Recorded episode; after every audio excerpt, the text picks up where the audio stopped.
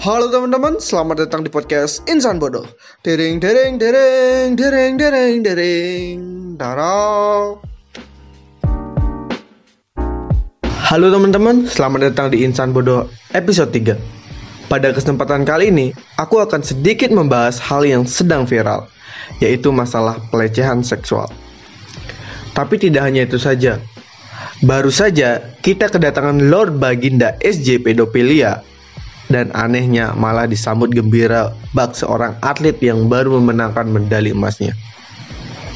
Bukannya dibuat jerah malah diberi panggung. Oh iya, kan ada uangnya. Hmm. Akal saya tidak perlu viewers nomor satu. Jujur, aku ngerasa jengkel banget sama dongeng ini.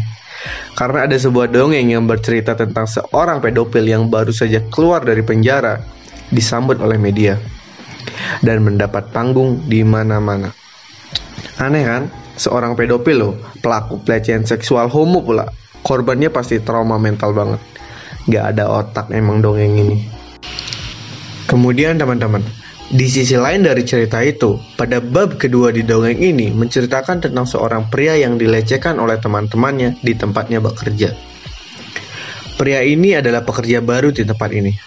BTW, ia bekerja menjadi staf di salah satu instansi penayangan badut-badut Selama bertahun-tahun, pria ini mendapat kekerasan seksual dari rekan kerjanya. Yang notabene adalah sejama jenis atau laki-laki. Selama bertahun-tahun, pria ini harus menahan rasa sakit itu karena ia harus tetap bekerja demi menghidupi keluarganya. Hmm, sungguh miris nasib pria ini. Karena mendapat perilaku yang tidak serono dari tempatnya bekerja, yang di mana tempatnya ini adalah instansi yang bertugas untuk membuat aturan tentang penayangan badut-badut agar pada saat badut tampil tidak mempertunjukkan hal yang tidak serono seperti memukul penonton saat tampil atau melecehkan penonton.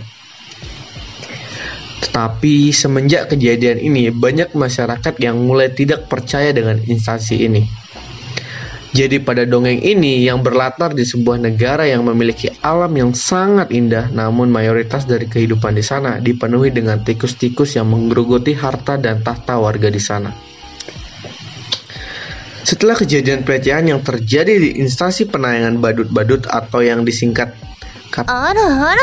IPBB atau instansi penayangan badut-badut, banyak masyarakat yang mulai resah dan meminta pemimpin dari IPB ini untuk turun dari jabatannya. Lord Krismo Pulet Inano atau bisa disingkat adalah Lord KPI adalah seorang pemimpin dari IPBB yang diminta warga untuk turun dari jabatannya. Namun dengan tegas Lord KPI menolak melakukan hal itu. Ia meminta kepada prajurit dari Istana Negeri Dongeng untuk mengusut kasus ini. Dengan uang yang banyak, Lord KPI menyuap raja agar tidak diturunkan dari jabatannya dan hanya mengeksekusi kelima staf yang melakukan pelecehan seksual saja. Namun demi menjaga citra Lord KPI agar tidak buruk di depan masyarakat, ia meminta kepada raja agar raja mau mengalihkan isunya. Pada bab selanjutnya dongeng ini, Raja memutuskan untuk menangkap satu penjahat yang sangat dekat dengan warga agar isu tentang IPBB teralihkan dengan isu penjahat yang baru ditangkap ini. Karena penjahat ini merupakan seorang pekerja seni hiburan yang sangat menarik di mata publik. Alhasil, pelahan masyarakat mulai melupakan tentang kasus IPBB dan beralih ke masalah penjahat ini. Singkat saja ya, akhir dari dongeng ini dengan perjuangan beberapa kelompok masyarakat untuk memperjuangkan kasus pelecehan seksual di IPBB Akhirnya Lord KPI kehilangan jabatannya dan hidup sebagai gelandangan di kota mati itu. Seperti tidak asing ya dengan dongeng ini. Kisahnya mirip dengan suatu negara lah ya. Tapi dongeng tersebut sangat membuat saya takjub ketika membacanya. Karena mungkin tadi lah ya, um, kisahnya mirip dengan suatu kejadian di sebuah negara yang saya tidak tahu itu di mana. Karena ini cuma dongeng ya teman-teman. Sekali lagi ini tuh cuma dongeng. Tapi kita tidak akan membahas itu.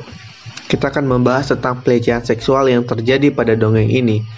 Kalau kita lihat-lihat, ini tuh beneran terjadi di dunia nyata loh teman-teman.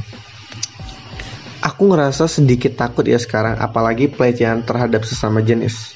Ngeri banget kan? Aku sempat dapat cerita dari teman aku yang katanya punya guru olahraga pedofil. Teman aku yang cowok ini nih, sempat waktu SD pahanya dielus-elus. Kronologinya tuh teman aku tuh diajak ke warnet terus dibayarin apa saja oleh guru ini. Kemudian waktu fokus main game, paha teman aku nih dielus-elus oleh guru homo ini. Teman aku cerita ia langsung jatuh mental, gak berani lapor sama sekali karena mungkin malu kalau diledekin orang-orang bahwa ia tuh dulunya sebagai korban pelecehan seksual guru homo.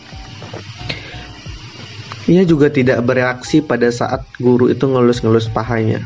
Ia cuma bisa nahan takut aja.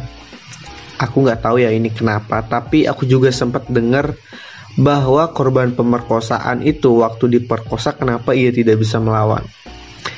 Ya karena semacam ia itu shock gitu loh. Aku tuh juga nggak tahu lebih detailnya kayak gimana.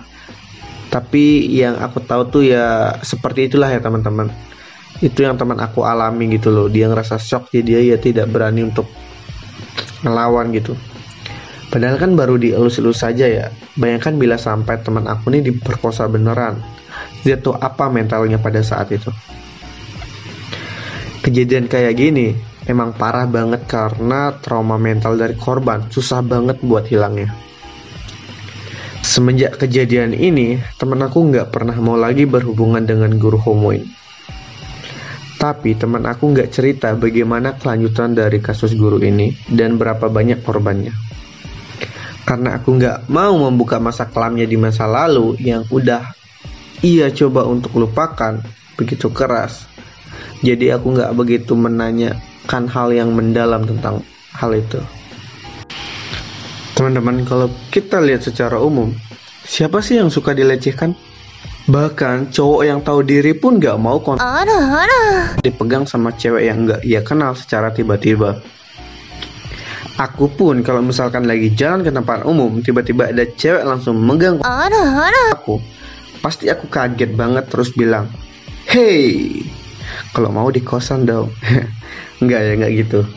Uh, pasti aku juga nggak mau gitu loh, bukannya munafik ya emang tempatnya nggak di sini juga bangsat nggak gini kayak gini juga anjing. Apalagi yang perlu dibahas. Kayaknya segini udah cukup ya. Bukan cuma aku, kalian semua juga aku yakin gak suka dengan pelecehan seksual. Kecuali kalian pelakunya ya, mungkin iya. Tapi secara umum masyarakat kita sama-sama nggak suka lah ya dengan yang namanya pelecehan seksual dan jangan sampai hal itu terjadi ke kita atau orang terdekat kita. Mulai waspada dengan orang lain, baik itu orang yang udah dikenal maupun orang yang baru kita kenal. Sekian dulu lah ya episode kali ini, hmm, karena ini mendadak banget buatnya.